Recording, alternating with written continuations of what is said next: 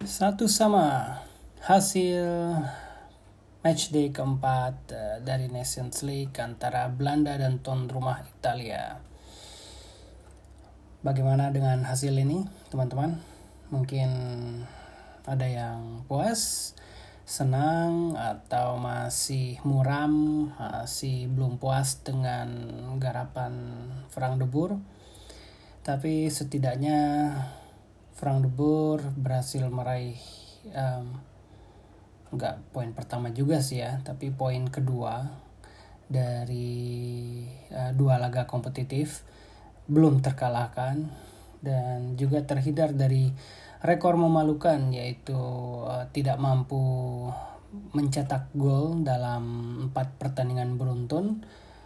Ini rekor yang bertahan 115 tahun dan sebenarnya Frank de Boer kan baru tiga kali ya menangani timnas Belanda tapi uh, ada sisa satu pertandingan ketika Belanda masih ditangani oleh caretaker Dwight Ledewex dan itu juga dihitung dan sudah tiga pertandingan beruntun Belanda tidak mampu mencetak gol sehingga kalau tadinya Belanda tidak bisa mencetak gol atau membobol gawang Italia Frank de Boer lah yang menjadi masuk buku sejarah dengan catatan yang buruk. Tapi anyway, pertandingan tadi sih kalau saya lumayan oke okay lah dibandingkan dengan dua pertandingan Frank de Boer sebelumnya. Kalau saya lihat di Twitter sih masih ada yang nggak puas ya dengan penampilan Belanda. Mungkin ekspektasinya kenapa nggak sekalian menang sih? Lumayan kan, dapat tiga poin, terus juga di grupnya bisa apa ya bersaing untuk memperebutkan satu tempat ke Final Four. Tapi sejak awal saya sudah menata ekspektasi. Ini banyak-banyak memang harus untuk menata ekspektasi di bawah debol. Sebelum pertandingan saya menata ekspektasi bahwa hmm, ya kalah juga nggak apa-apa lah. Yang penting Belanda bisa cetak gol. Itu aja dulu, sesimpel itu aja dulu.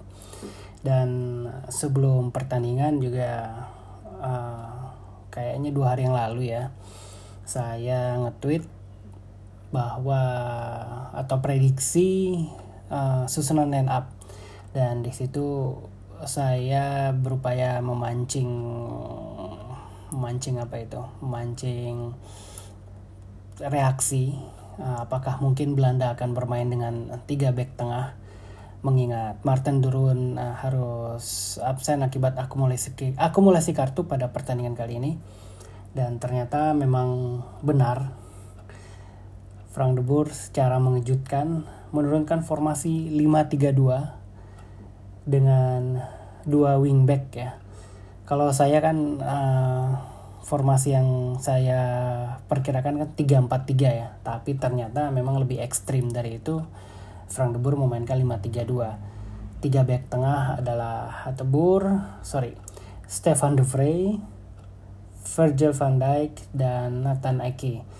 Sementara untuk wingback, back kanannya Hatebur dan di kiri Deli Blind. Ini menarik ya dan juga mengejutkan Italia ya.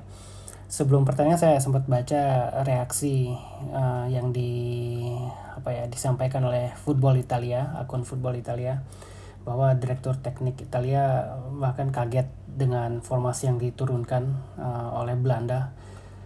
Uh, dan setelah pertandingan pun pelatih Italia Roberto Mancini juga kaget dengan formasi yang formasi 5-3-2 ya bukan kenapa-napa karena memang udah lama banget uh, formasi ini diterapkan oleh timnas Belanda uh, yang paling mencolok waktu itu Piala Dunia 2014 ya.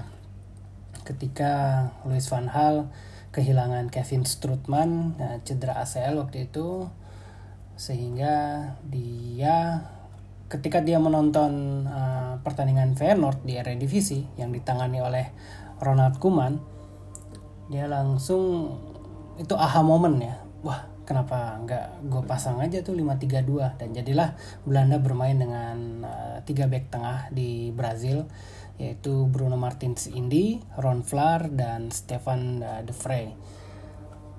Namun ketika formasi yang sama dicoba ditiru oleh Hus Hiding waktu uh, kualifikasi Euro 2016 ini berantakan karena pada laga perdana langsung kalah dari Ceko 2-1. Dan sejak itu formasi ini diabaikan ya. Belanda mencoba bermain kembali dengan uh, 4 uh, formasi 4 back uh, entah itu 4-2-3-1 atau 4-3-3. Dan sebenarnya Ronald Koeman di awal ke kepelatihannya juga sempat memainkan formasi ini. Uh, mungkin dua atau tiga kali ya. Tapi yang paling saya ingat adalah pada laga uji coba melawan Portugal uh, dan waktu itu dipakai formasi 5-3-2 untuk um, ini mungkin saya salah ya tapi seingat saya aja ya tanpa googling ya dan Ronald Koeman memberi kesempatan kepada Stefan de Vrij Virgil van Dijk dan Matthijs de Ligt untuk turun secara bersamaan. Dan hasilnya lumayan. Belanda menang 3-0. Cristiano Ronaldo berhasil dibuat tumpul walaupun itu laga uji coba. Virgil van Dijk waktu itu juga hitungannya masih 3 atau 4 pertandingan, 4 caps ya di timnas ya. Dan berhasil mencetak gol perdananya untuk orangnya. Dan Matthijs de Ligt waktu itu mencetak dua assist. Nah, sebelum pertandingan melawan Italia, kita kembali ke 2020 nih. Frank de Boer sudah uh, berkata ya kepada media ya bahwa kita nggak cuma menyiapkan plan A tapi juga harus ada plan B dan juga kita nggak bisa kurang lebih kayak gini nggak bisa terpaku pada satu pola permainan aja. Mesti menyiapkan permainan yang lain. Dan entah kenapa ini luput ya dari pantauan uh, skuad timnas Italia dan tidak diantisipasi. Sehingga ya formasi 5-3-2 ini pada kenyataannya mampu merepotkan Italia dan uh, merusak uh, rencana permainan yang mereka siapkan. Nah, kenapa 5-3-2 ini atau seperti apa 532 ini diterapkan oleh Frank de Boer? Ya, kalau saya lihat formasi ini dipilih oleh Frank de Boer untuk uh, dua arah ya. Di satu sisi dia memberikan satu pemain tambahan, satu orang ekstra di lini pertahanan plus satu orang ekstra saat menyerang. Ini juga persis yang terjadi pada kemenangan 3-0 lawan Portugal.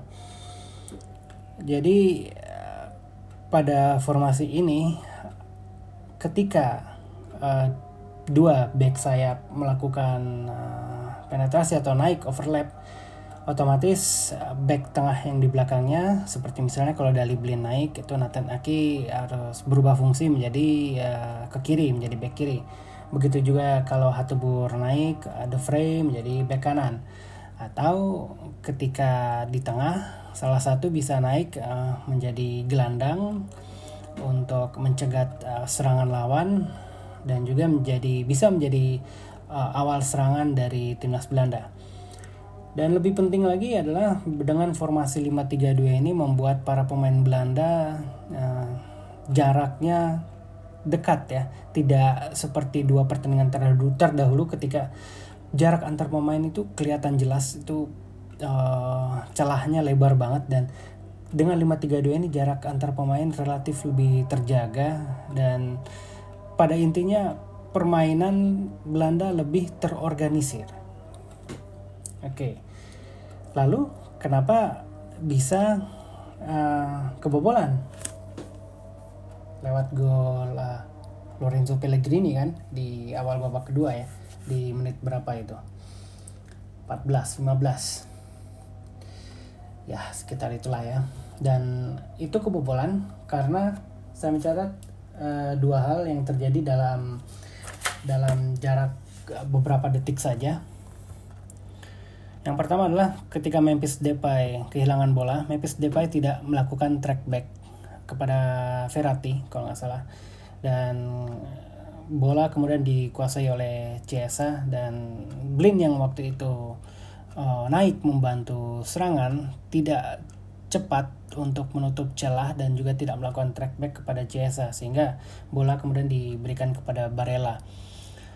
Otomatis dengan uh, bobolnya pertahanan sebelah kiri dan Ake mengawasi Barella, Virgil van Dijk tertarik untuk uh, menutup celah sebelah kiri dan juga sekaligus uh, untuk uh, man marking Ciro Immobile. Dan ini membuat uh, De Vrij menjadi satu-satunya back tengah yang tersisa di pertahanan Belanda. Nah, dalam formasi ini para pemain belakang harus tahu persisnya kapan mereka beralih fungsi ketika back sayap menjadi pemain sayap penyerang sayap apa yang harus dilakukan oleh back tengah? Ketika uh, back tengah menjadi back kiri atau back kanan apa yang harus dilakukan oleh uh, back tengah lainnya? Dan itu yang harus dilakukan secara sinkron kepada lima pemain belakang tersebut. Dan ini yang gagal terjadi uh, pada gol Italia karena ketika Barella menguasai bola Hatebur tidak cepat melakukan track back, tidak mengawasi bahwa ada play Pellegrini di depannya ya atau di belakangnya yang um, yang berlari ke half space untuk um, menyongsong umpan terobosan dari Barella sehingga dengan mudah Pellegrini berhadapan satu lawan satu dengan Silasen dan melesakkan bola ke dalam gawang. Jadi sistem ini kekurangannya seperti itu. Uh, menuntut para pemain belakang untuk uh, bergerak sinkron dan harus saling paham. Dan relatif ini Frank de Boer hanya punya waktu dua dua hari ya dua hari latihan ya atau tiga hari lah kalau di match day ikut dihitung. Hanya punya waktu tiga hari untuk uh, membuat para pemainnya tampil padu.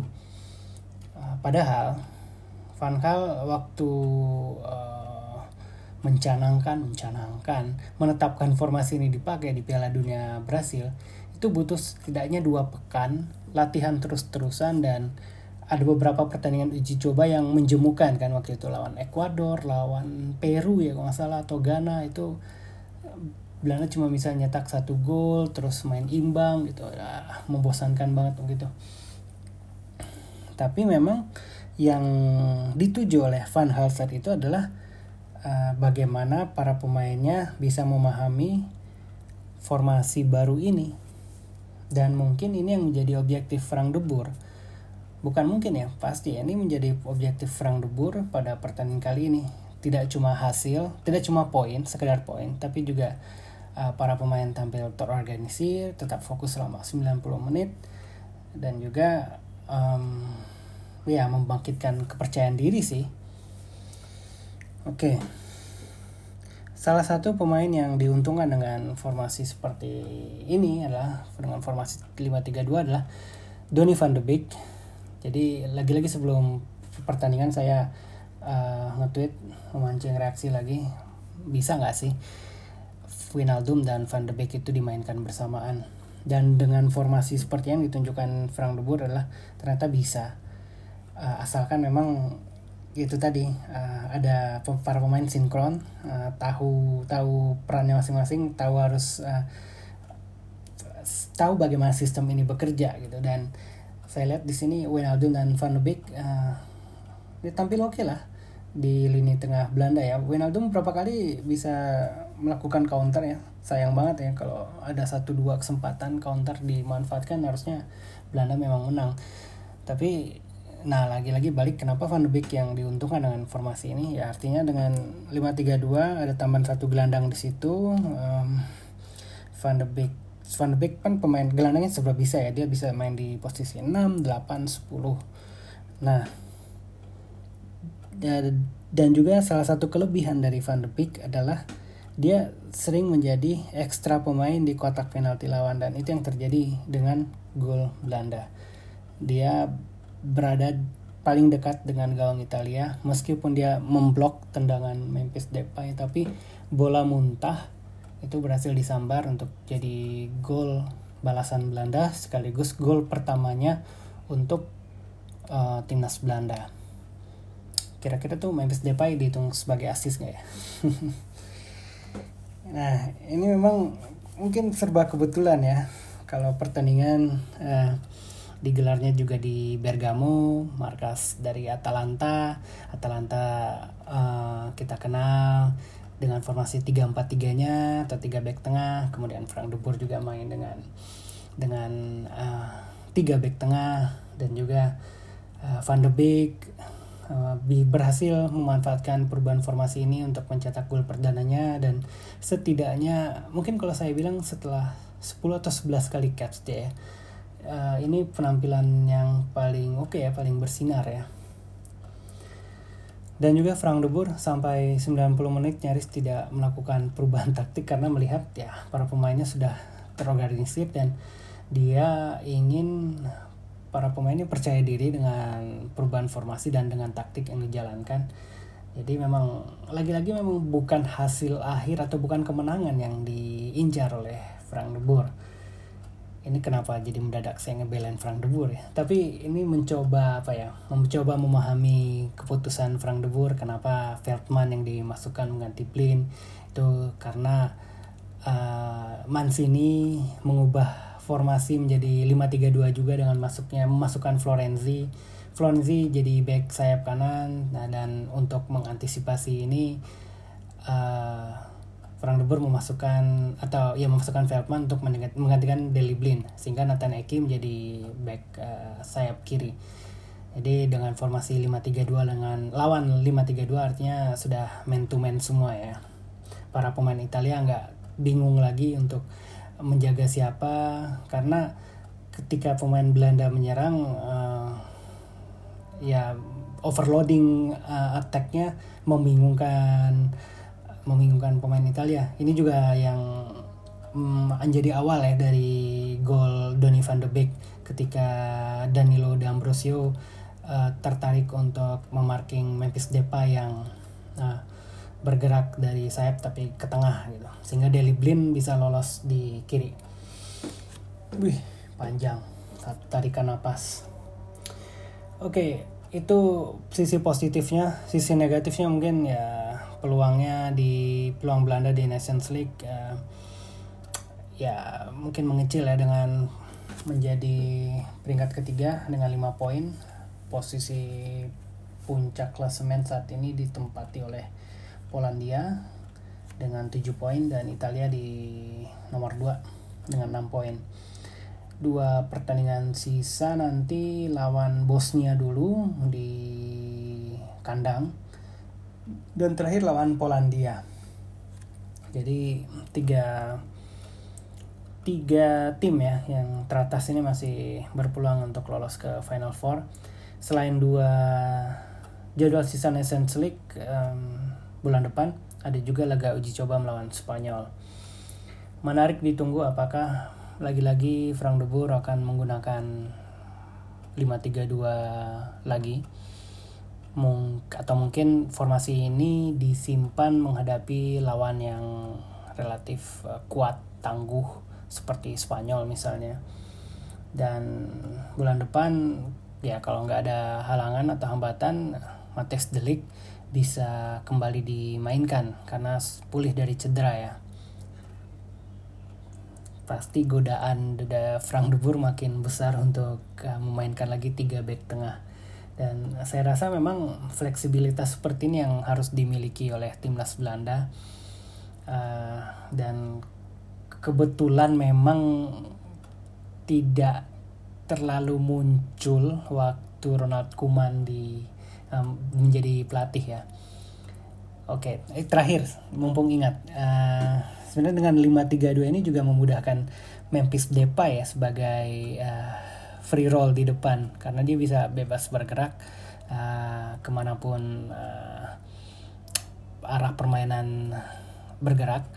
Dan juga uh, ada satu focal point yang bisa menjadi patokan untuk bola udara atau ya focal point di depan sih seperti Luke De Jong kan.